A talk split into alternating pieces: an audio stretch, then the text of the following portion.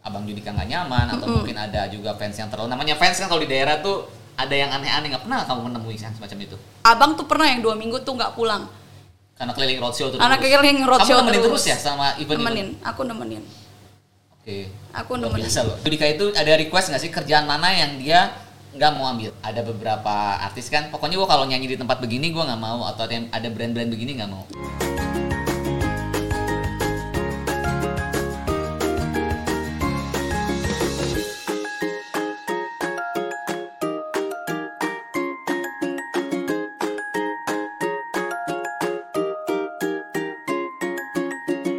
Oke, di podcast si Belang kali ini gue udah kedatangan seorang manajer cantik yang sudah melanglang buana di dunia entertainment, di dunia di belakang layar di DAD Entertainment, yaitu di manajemennya Judika dan Duma Riri Sirarahi.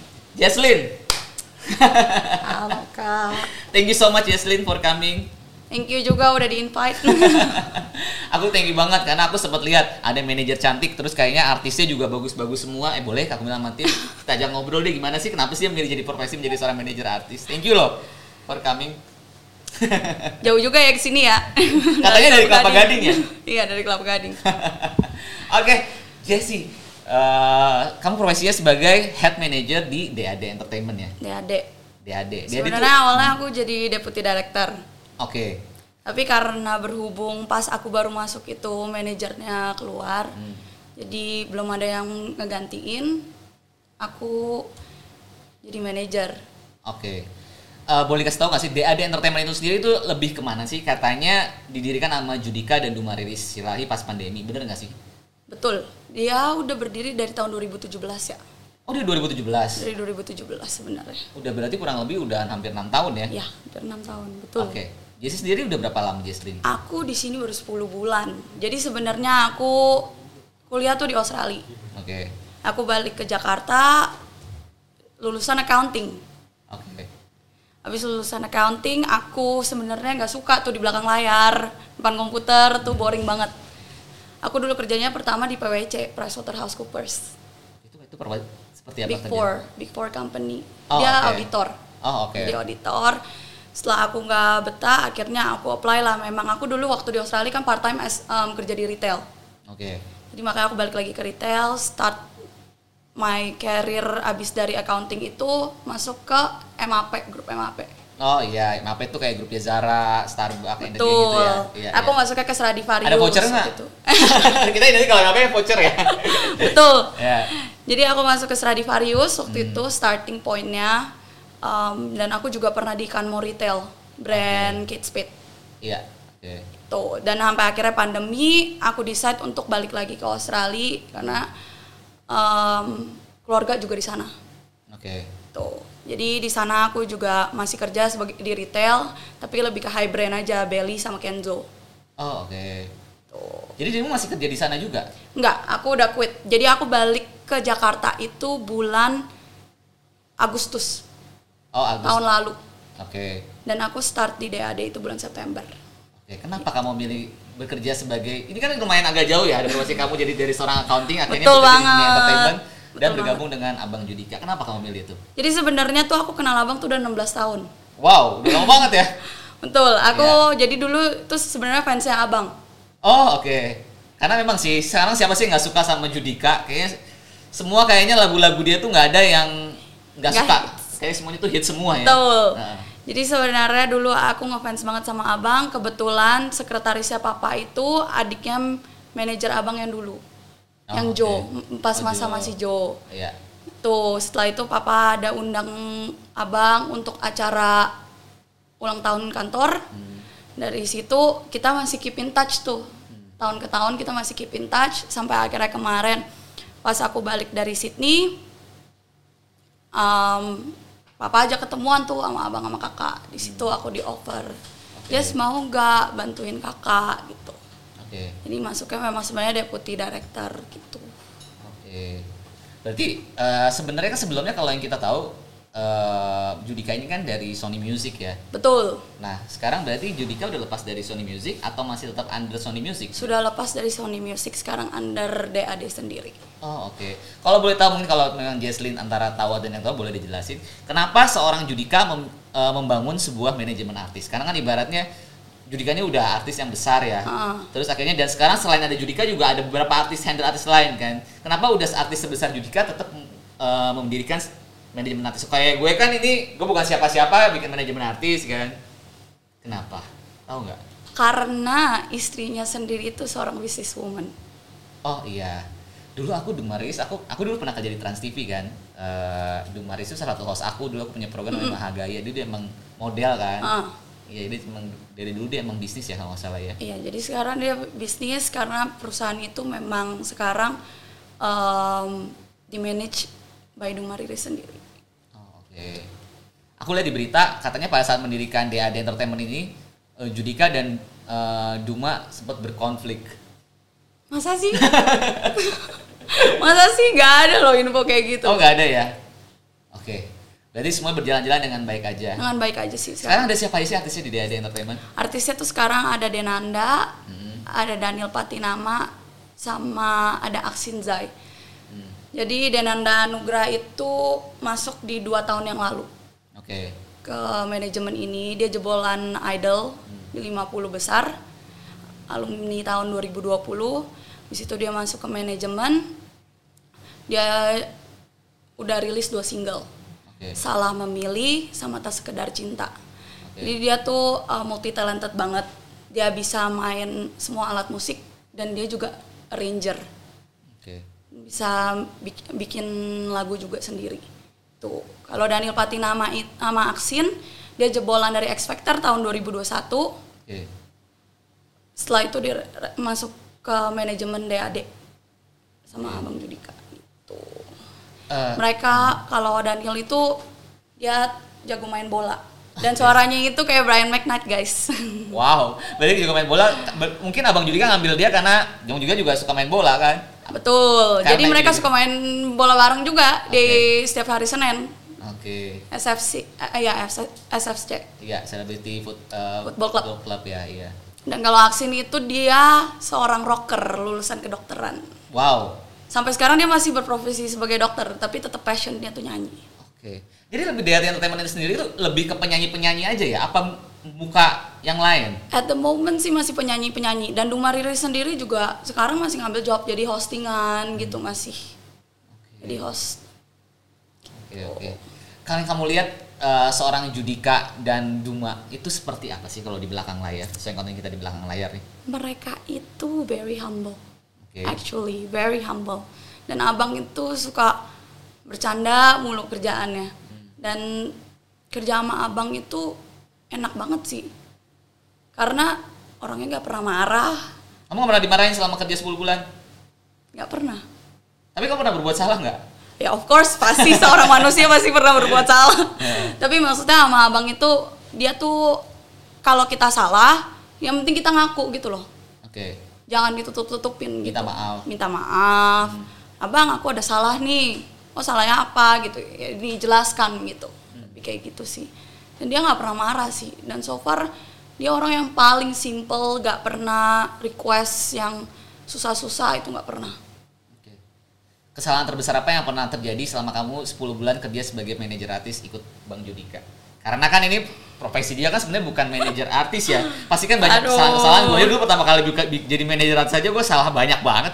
Ya sebenarnya aku waktu masuk ke sini itu I'm very proud karena aku sebenarnya awalnya fansnya abang nggak pernah expect sampai detik ini aja aku masih nggak percaya kalau misalnya aku tuh jadi manajer seorang Judika which is artis besar ya tapi em, dengan bimbingan Kaduma bimbingan abang mereka sabar banget menerima kekurangan aku dan kelebihan aku juga Em, Kaduma yang nge-guide aku dari awal sampai aku bisa sampai kayak sekarang gitu Oke. Kamu ngefans apa sih dulu sama Bang Judika? Di- Aku dulu tuh selalu kenapa aku masih keep in touch sama abang dulu. Jadi kalau abang perform itu aku masih suka nonton. Oh gitu. Masih idol dia ngejudge dari tahun ke tahun itu aku masih suka abang mau nonton dong gitu. Masih. Terus habis itu em, dulu Kaduma kan juga suka nemenin abang tuh kalau manggung. Aku juga suka em, Kaduma di mana? gitu. Masih suka nempel gitu. Terus kalau ketemu di mall juga mereka kan humble banget ya. Jadi kalau ketemu di mall masih inget deh gitu. Aku udah kayak adiknya dia sendiri bahkan holiday bareng terus udah gitu em, juga kita ada grup komsel kan Oh iya. jadi masih komsel bareng juga gitu jadi misal dianggap sama mereka tuh kerja sama mereka tuh kayak keluarga sih Oke. lebih ke keluargaan Sampai ngumpul-ngumpulin CD-CD nggak zaman 16 tahun masih booming CD kan? Aku bahkan kemarin ini kan abang mau rilis single. Dia ada take uh, video klip. Jadi di situ dia mereka membutuhkan CD abang tuh yang paling lama. Oke. Gitu. Dan dulu memang aku inget banget abang tuh pernah ngasih aku satu CD itu single eh, apa album dia pertama. Jadi itu masih aku keep sampai sekarang masih ada di rumah. Wow, ada tanda tangannya ya? Ada, ada tanda tangan abang. Album pertama berarti pas masih lulus dari Idol bareng bareng sama Mike Mohede ya? Betul. Setelah itu kan dia ada rilis single tuh bareng Sony Iya. atau album ya, album itu aku masih punya. Wow, ini fans sejati nih. Jaslyn ya, emang harus dipertahankan ini di di ada entertainment. Tapi nih buat teman-teman semua yang pe- pengen tahu sebenarnya kalau orang mau ngundang Judika itu ridersnya apa aja sih Jess? Boleh dikasih tahu nggak sih? Ridersnya itu pokoknya sekarang tuh mulai starting tahun 2023 tuh kita jual abang tuh pakai emang dia sepaket band. Oke, nggak nggak bisa tuh minus one minus one. Minus one itu exception only for TV. Oh oke. Jadi kalau off Tuh. air, TV pun kalau misalnya mereka benar-benar tidak bisa pakai band. ya. Tapi kalau TV sih rata-rata sih emang kita udah nyediain band sih kalau zaman aku di TV ya. Ya betul. Tapi kan kalau misalnya pakai band, abang prefer dengan band sendiri. Karena pertama em, dia lebih nyaman kalau pakai band sendiri. Bandnya udah biasa ngiringin dia, udah tahu lagunya gimana, aransemennya gimana. Ya. Jadi em, menghindari kesalahan aja pasti panggung itu sih. Iya, dan sebenarnya kalau dengan full bandnya kalau saya kalau aku lihat sebagai penyanyi itu kita dia lebih fulfill, lebih maksimal juga di panggung timbang minus one kayak nyanyi karaoke katanya ya. Betul. Dan abang itu orang yang bener-bener mau satisfy kliennya ya. Oke. Jadi kadang kalau misalnya lagi manggung gitu, kliennya request, bang mau dong lagu ini gitu. Nah dia kalau pakai bandnya sendiri tuh dia bisa tuh langsung ngiringin gitu. On the spot. On the spot. Iya, iya. Makanya itu kenapa abang lebih prefer pakai band gitu. Oke. Tuh. Jadi ridersnya apa aja? Berapa orang yang berangkat? 15 yang berangkat. 15 tiket. Pasti Garuda ya. Garuda dong. Bisnis ya. Bisnisnya yang enggak enggak bisnis semua. Bisnisnya bisnis apa? hanya untuk abang doang, sisanya ekonomi. Oke, 15 tiket. Terus untuk kayak akomodasi eh, hotel segala macem akomodasi hotel itu wajar ya untuk semua artis yang udah se- sebesar abang itu pasti bintang 5 Iya. gitu. Cuman abang itu orang yang bener-bener gak mau nyusahin klien juga. Kalau memang dikondisikan namanya kota-kota atau kabupaten, kadang kan cuma ada hotel bintang 3, hotel bintang 4. He doesn't mind Oke. for staying in a not a five star hotel gitu. Oke. Yang penting mungkin kalau kayak di daerah yang terpelosok biasanya kita atau bintang 5 atau hotel terbaik di kota tersebut. Betul. Oke. Untuk makanan-makanan ada di ciki-cikian, coklat-coklat. Karena ada beberapa penyanyi itu kayak gitu, Jess. itu very, dia very simple yang penting ada bear brand sama UC 1000 that's it Oke. gitu Oke. sama especially handuk ya pasti kan handuk kan dibutuhkan karena kan kalau perform keringetan Iya. pasti mesti ngelap dong Iya. Iya. Tuh, Kamu pernah nggak sih ada pengalaman di satu kamu satu event nemenin abang itu eh, di kan kadang-kadang banyak-banyak io-io juga yang nakal ya maksudnya io-io yang Nggak. sesuai perjanjian atau tiba-tiba honor nggak dibayar atau pasti acara tiba-tiba nggak sesuai atau apa pernah nggak kamu mengalami itu? betul kalau regarding pay eh, kalau regarding payment kita very strict yang namanya masalah dengan klien of course ada even though aku baru 10 bulan ya ada aja gitu. Walaupun mungkin nggak nggak sampai besar banget yang sampai susah dihandle enggak sih. Dan kalau misalnya payment itu pokoknya kita serahin aja. Based on kontrak kita bahas um, udah sesuai kontrak ya kak. Pokoknya harus bayarnya H-5 ya H-5 udah harus dibayar gitu loh. Nggak ada yang kayak mundur-mundur gitu. Kecuali memang ada special terms yang di mana yang mereka nggak bisa um, fulfill on that day ya kita misalnya jatuhnya di hari Minggu atau hari Sabtu kak hari Senin ya aku bayar. Ya udah komit hari Senin bayar gitu kayak gitu. Dan kalau misalnya masalah-masalah io apa ya em, paling negosiasi riders apa segala macam biasanya itu kita cari jalan tengahnya sih. Jadi tidak merugikan dua belah pihak em, kedua belah pihak juga nyaman-nyaman aja gitu. Kamu sama pernah nemenin eh, Bang Judika manggung di luar kota pernah mengalami hal-hal yang aneh nggak? Itu ada fans yang eh, bikin abang Judika nggak nyaman atau mungkin ada juga fans yang terlalu namanya fans kan kalau di daerah tuh ada yang aneh-aneh nggak pernah kamu menemui yang semacam itu Sebenarnya ada ya namanya fans kalau misalnya bener-bener ngefans sama abang pasti excited banget dong kalau ngeliat abang. Tapi so far sih em, abang itu selalu melayani untuk foto bareng apa segala macam. Dia selalu bilang udah nggak apa-apa Jess foto aja gitu. Dia bener-bener mau fansnya itu happy. Itu yang jadi terutama di mata abang sih. Even sama klien-klien juga abang selalu ngomong sama klien pokoknya harus baik-baik aja gitu. Even kalau ada isu coba dicari jalan tengahnya. Dia nggak mau pokoknya ada isu yang berkepanjangan itu dia nggak pernah mau. Oke.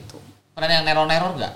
Fansnya tuh kadang-kadang ih tahu sendiri kan mana kita buntutin kita di hotel ditungguin di bandara ditungguin terus tiba-tiba kita ditaruh di chat setiap malam kamu sebagai manajer tuh pasti karena aku juga manajer juga jadi aku kadang pagi-pagi digangguin diminta di video call apa sih pernah nggak kamu ngalamin kayak Of gitu course pernah lah kak. Cuman kalau kayak gitu ya kalau memang kondisinya tidak memungkinkan untuk kita melayani mereka ya mau nggak mau ya carilah reason kenapanya gitu. Tapi biasa mostly aku being honest aja sih kalau misalnya abang lagi istirahat ya aku ngomong abang lagi istirahat gitu. Pernah. Kayak kemarin di Kota Baru juga pernah. Itu semua fansnya tuh ngerubungin depan kamar abang itu juga pernah kejadian Oke. gitu cuman ya kita kasih pengertian kenapa kenapa kita harus meng-cut off ya kita kasih pengertian itu kan apalagi udah jam 12 malam jam satu malam ya of course kita kasih pengertian abang juga istirahat besok paginya juga harus kerja flight pagi gitu. Dan besoknya perform lagi kayak gitu. Jadi so far sih kendala-kendala itu masih bisa dihadapin sih.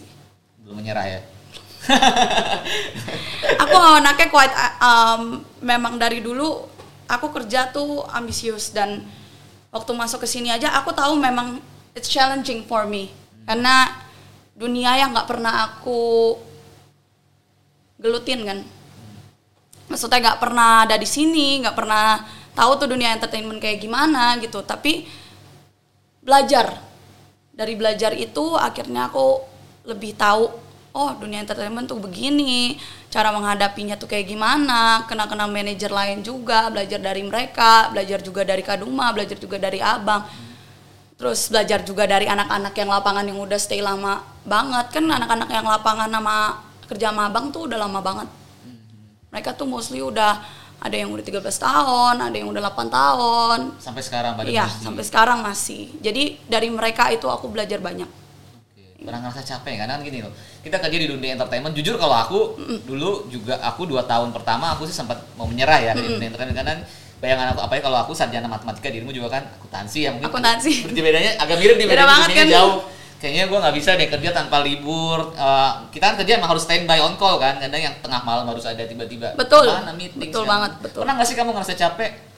Atau misalnya gila ya ini kok jomplang banget deh sama bidang gue dan gue kayaknya udah deh gitu loh. Kalau capek itu pasti semua orang pernah lah. Hmm. Gimana pun caranya kan kita nggak tahu fisik badan kita. Kadang kalau misalnya kita udah kerja em, mati-matian gitu selama dua minggu gitu, udah spend waktu memang hektik banget kan. Apalagi abang tuh pernah yang dua minggu tuh nggak pulang.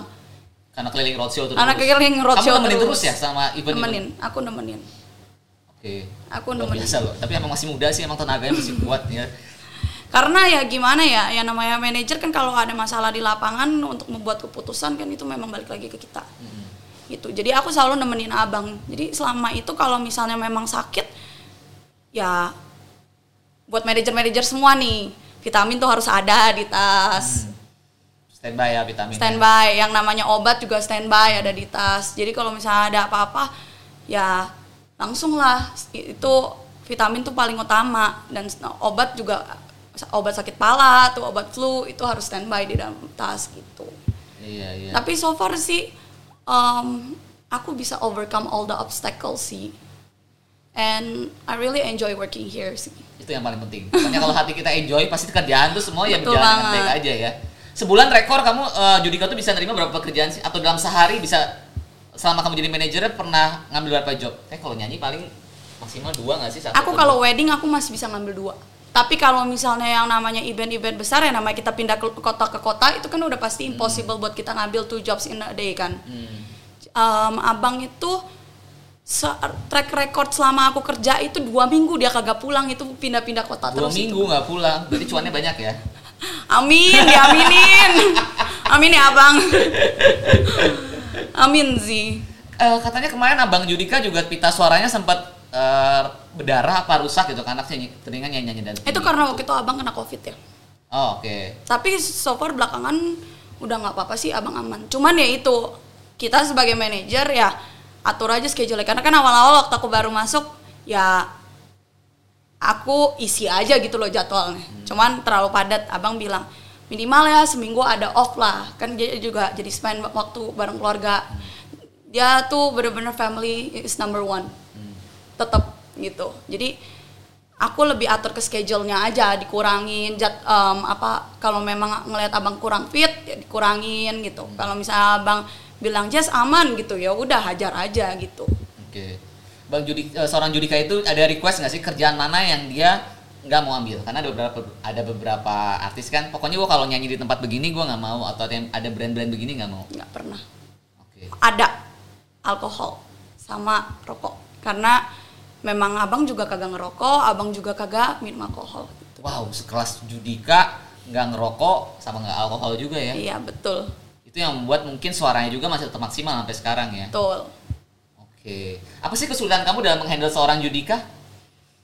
kesulitan aku ya dalam menghandle Judika ya paling masalah tiket pesawat sih Kenapa tiket pesawat? kadang kan tiket pesawat itu em, kita kan entourage kan 15 people kan Hmm. jadi kadang suka Komplain klien ya. bukan a bit hard buat kita tiketnya kadang suka nggak bisa barengan apa segala macam tapi jadi kita prioritasin biasa abang dulu sama asisten sama aku gitu kita du- duluan balik duluan gitu Oke.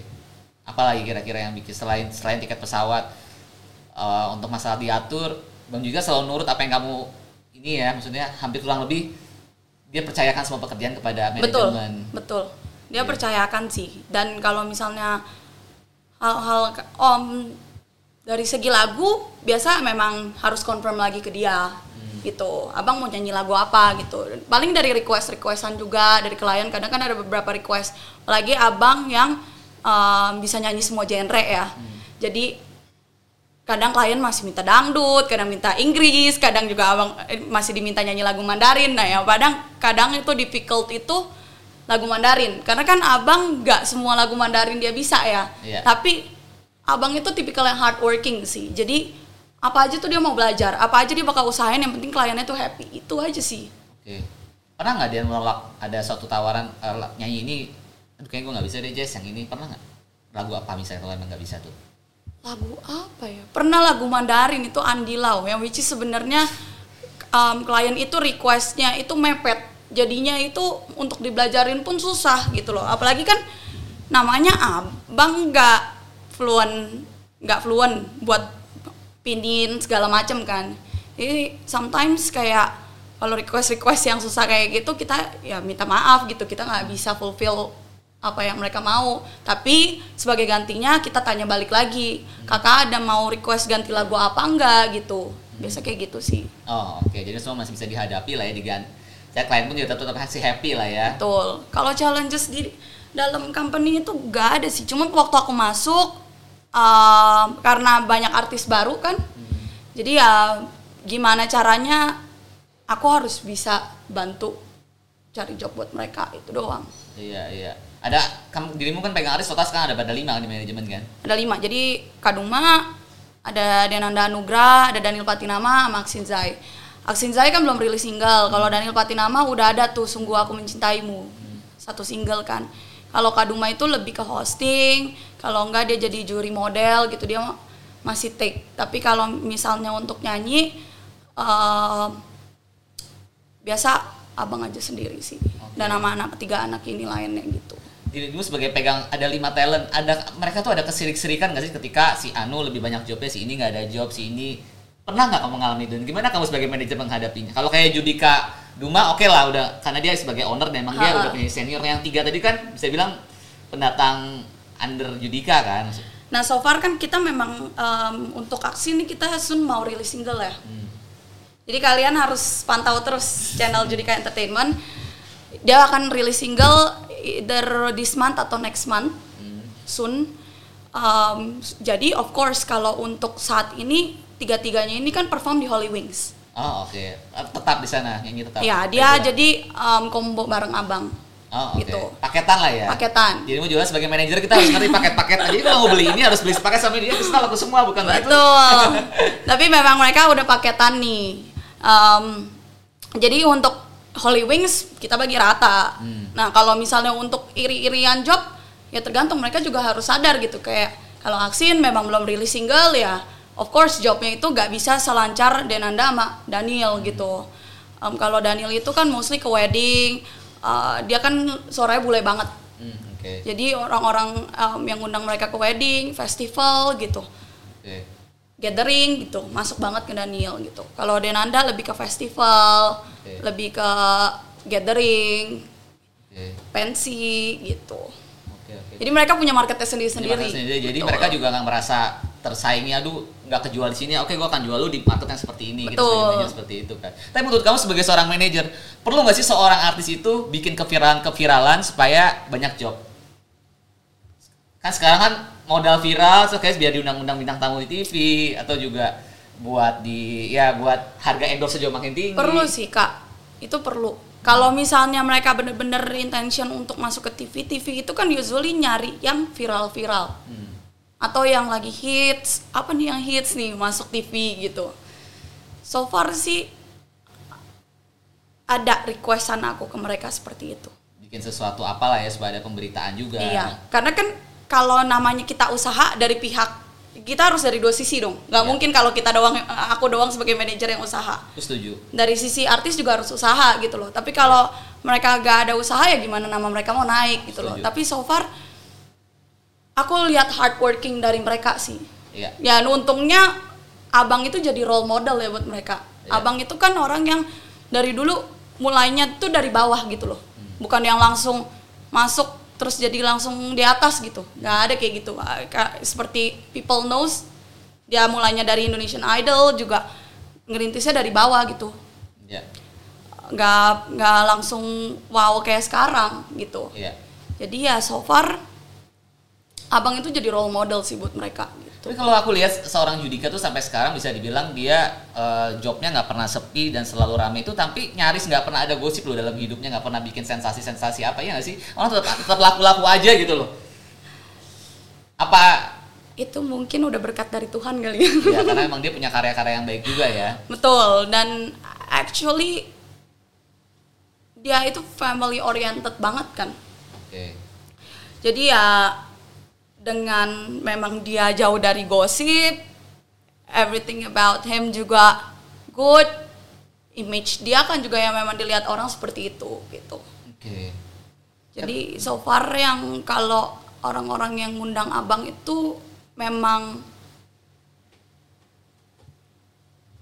mereka biasanya tuh lebih pointing abang itu jago banget nyanyi di semua genre Oke. Dan mereka mau request lagu apa itu lebih mudah sih Pernah nggak eh, selama dia menjadi manajernya Bang Judika nggak nyaman dalam suatu event atau event dan itu bisa di acara? Pernah di acara apa? maksudnya aku nih yang gak Ah. nyaman Nggak, nggak maksudnya Bang Judika. Bisa, Jess gue kayaknya nggak, nggak nyaman deh ini kemarin acara yang begini begini begini di acara-acara kayak gini. nggak pernah abang itu nggak pernah komplain Nggak pernah komplain. Kelas Judika yang jawabnya nggak berhenti berhenti nggak pernah komplain.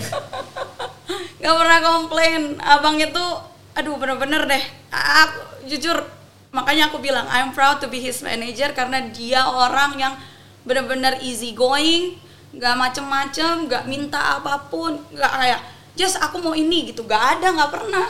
Oke. malah aku yang kadang kayak abang em, mau dibeliin ini enggak mau dibeliin ini enggak gitu. Nggak usah deh aman gitu. Oke. dia selalu orangnya easy banget sih nggak pernah neko-neko itu doang sih Masih koleksi motor sampai sekarang. masih dong Tapi kemarin kan tadi dimarahin nama Duma sama istrinya gara-gara beli-beli motor gede mulu karena takut bahaya. Tapi masih sampai sekarang.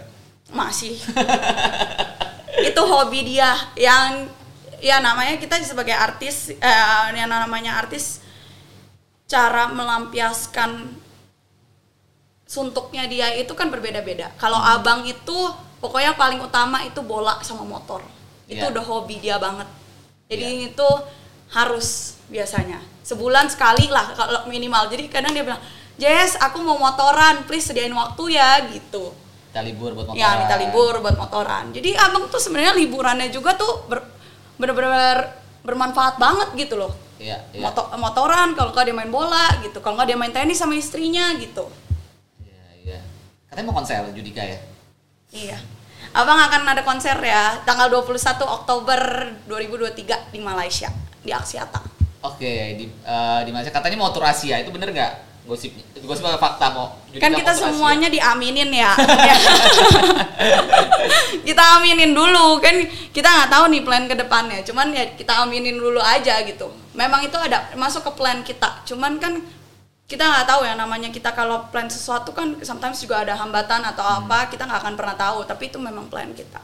Oke, tapi yang udah pasti rencananya 21 Oktober ya. di 21 Malaysia ya? Oktober itu konser pertama yang diselenggarain sama abang juga sendiri itu di 21 Oktober. Jadi langsung yang yang IO-nya pun DAD Entertainment. Apa ada? IO-nya ya DAD Entertainment. Oh, udah berarti paketan tadi lima artis tadi semua sepaket dong tampil di sana. Em, Kadung mah enggak, dia pendukung. tapi hadir lah ya di situ. tapi ya. hadir dong sama anaknya juga hadir. Nah, tapi artis-artis DAD itu juga akan ada di konser itu. Oke. Apa sih pencapaian terbesarnya Jesslyn selama di DAD Entertainment sebagai manajemen Judika menurut Jesslyn? Pencapaian terbesar ya. Abang itu kan dulu tuh nggak pernah pakai stylist. Oke. Jadi aku bilang ke abang, abang udah pakai stylist aja gitu. Jadi kan kalau ke TV gitu, jadi lebih looksnya juga lebih masuk apa segala macam. Jadi aku memang im- implement buat pakai stylist ke abang gitu. Terus dari segi Karena manajernya kalau kita lihat styling begini ya. Jadi kalau manajernya jangan sampai abang gua kalah styling sama lu nih bang gitu. enggak lah kak, cuman memang itu sih karena kan outfit juga it's a brand image. Aku setuju sih karena memang kan kita sebagai entertain- entertainer selain memang punya kualitas yang bagus, penampilan kita kan juga dilihat kita dibayar mahal buat itu. Penting dong. Itu kan menjual juga. Iya. Iya itu sih. Tapi achievement aku itu sebenarnya makanya aku bilang challenges yang paling susah itu tadinya jual anak artis DAD sih. Oke. Jual artis DAD itu yang paling susah. Selain tapi aku Judika ya. overcome. Iya, tapi Iya. aku overcome itu. Kalau abang challengesnya gak ada karena yang itu yang aku bilang. Abang nggak pernah minta apa-apa, Hmm. nggak pernah request apa-apa. Jadi nggak ada sih. Dan orangnya dia orangnya disiplin banget. Nggak, jadi nggak pernah telat kalau misalnya bintang tamu acara off air TV. Enggak, unless dia benar-benar ada kendala misalnya ya yang di luar kendali ya yang namanya misalnya ban bocor atau apa. Tapi other than that, abang nggak pernah telat. Abang tuh udah lang- selalu on time. Oke. Oke. Jadi sekarang seorang Judika udah ada styling karena uh, idenya dari seorang Jesslyn. Enggak lah, itu abang kan setiap apa pun yang aku mau lakukan juga semuanya approval dari dia. Nggak mungkin enggak gitu. Tapi memang aku suggest abang mau nggak pakai stylist gitu. Terus dia bilang oh mau kata dia. Ya udah jadi pakai stylist gitu sekarang. Terus apa ya? Sama mungkin nanti ini ya rencana mau ada konser ya. Ya rencana mau konser ini. Iya iya. Luar biasa loh Jesslyn loh. Tapi titik titik terendah kamu apa sih selama jadi di, di DAD Entertainment? Titik terendah aku. Tadi yang dua minggu, selain tadi dua minggu nggak pulang-pulang ya. kamu nggak diceritain sama orang tua kamu nggak pulang-pulang? Ya orang tua aku tahu kerjaan aku jadi dia don't mind apalagi kan memang orang tua aku juga kenal sama abang sama kakak jadi dia don't mind sih mereka Oh don't iya, mind jadi banget. nggak khawatir juga ya. Iya. Nggak khawatir kalau titik terendah masalahnya rumah ada gimana dong Baru 10 bulan ini ada ada ada ada udah ada ternyata Apa? ada jadi awal aku masuk itu kan memang manajernya tuh langsung cabut jadi aku have no idea about anything Hmm.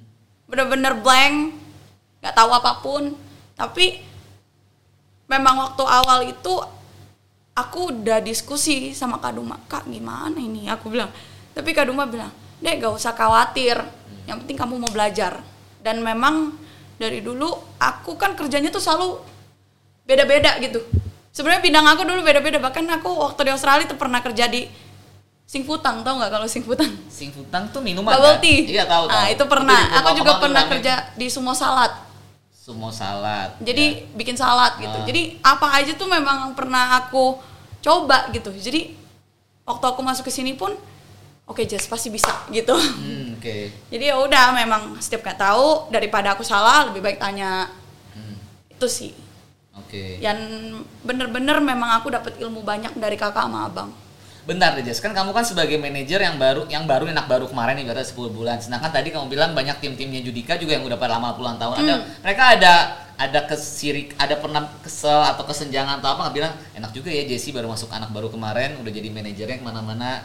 so far enggak Ini- sih karena kita uh, walaupun mereka kan hitungannya kalau freelance kan eksternal ya Oh itu mereka freelance. mereka freelance Ta- um, tapi aku bareng mereka itu udah kayak keluarga aja abang sama mereka tuh udah kayak keluarga abang nganggep mereka tuh bener-bener harus solid gitu Hmm.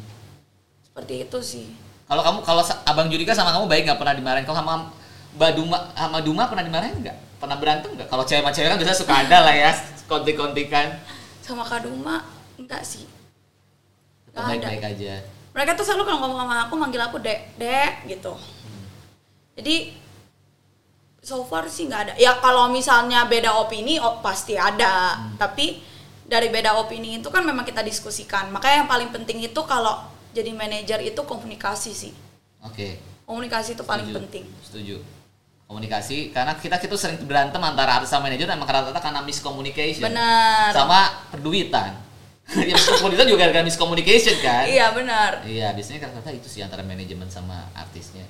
Jesslyn, selama kamu jadi manajemen DAD Entertainment atau di, mungkin di ya pertama di dunia keartisan lah ya, pernah nggak sih kamu berkonflik atau berantem sama para artis? pernah of course Pas kapan? waktu awal-awal aku masuk kan itu sebenarnya mau buat semua manajer pun kita harus adaptasi. Apalagi mengenal karakter mereka yang berbeda-beda. Apalagi ini artisnya bukan cuma dua ya empat ya. Eh, eh, empat atau lima? empat termasuk Kaduma lima. Oh iya, lima. Jadi semuanya kan karakternya masing-masing tuh berbeda-beda. Ada apalagi untuk artis-artis baru itu ada egonya masing-masing, idealismenya.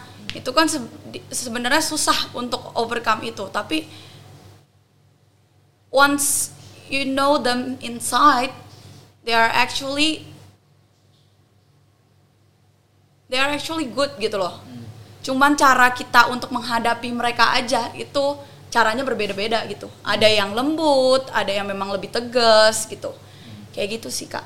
Kalau yang tegas itu ke siapa yang lembut siapa?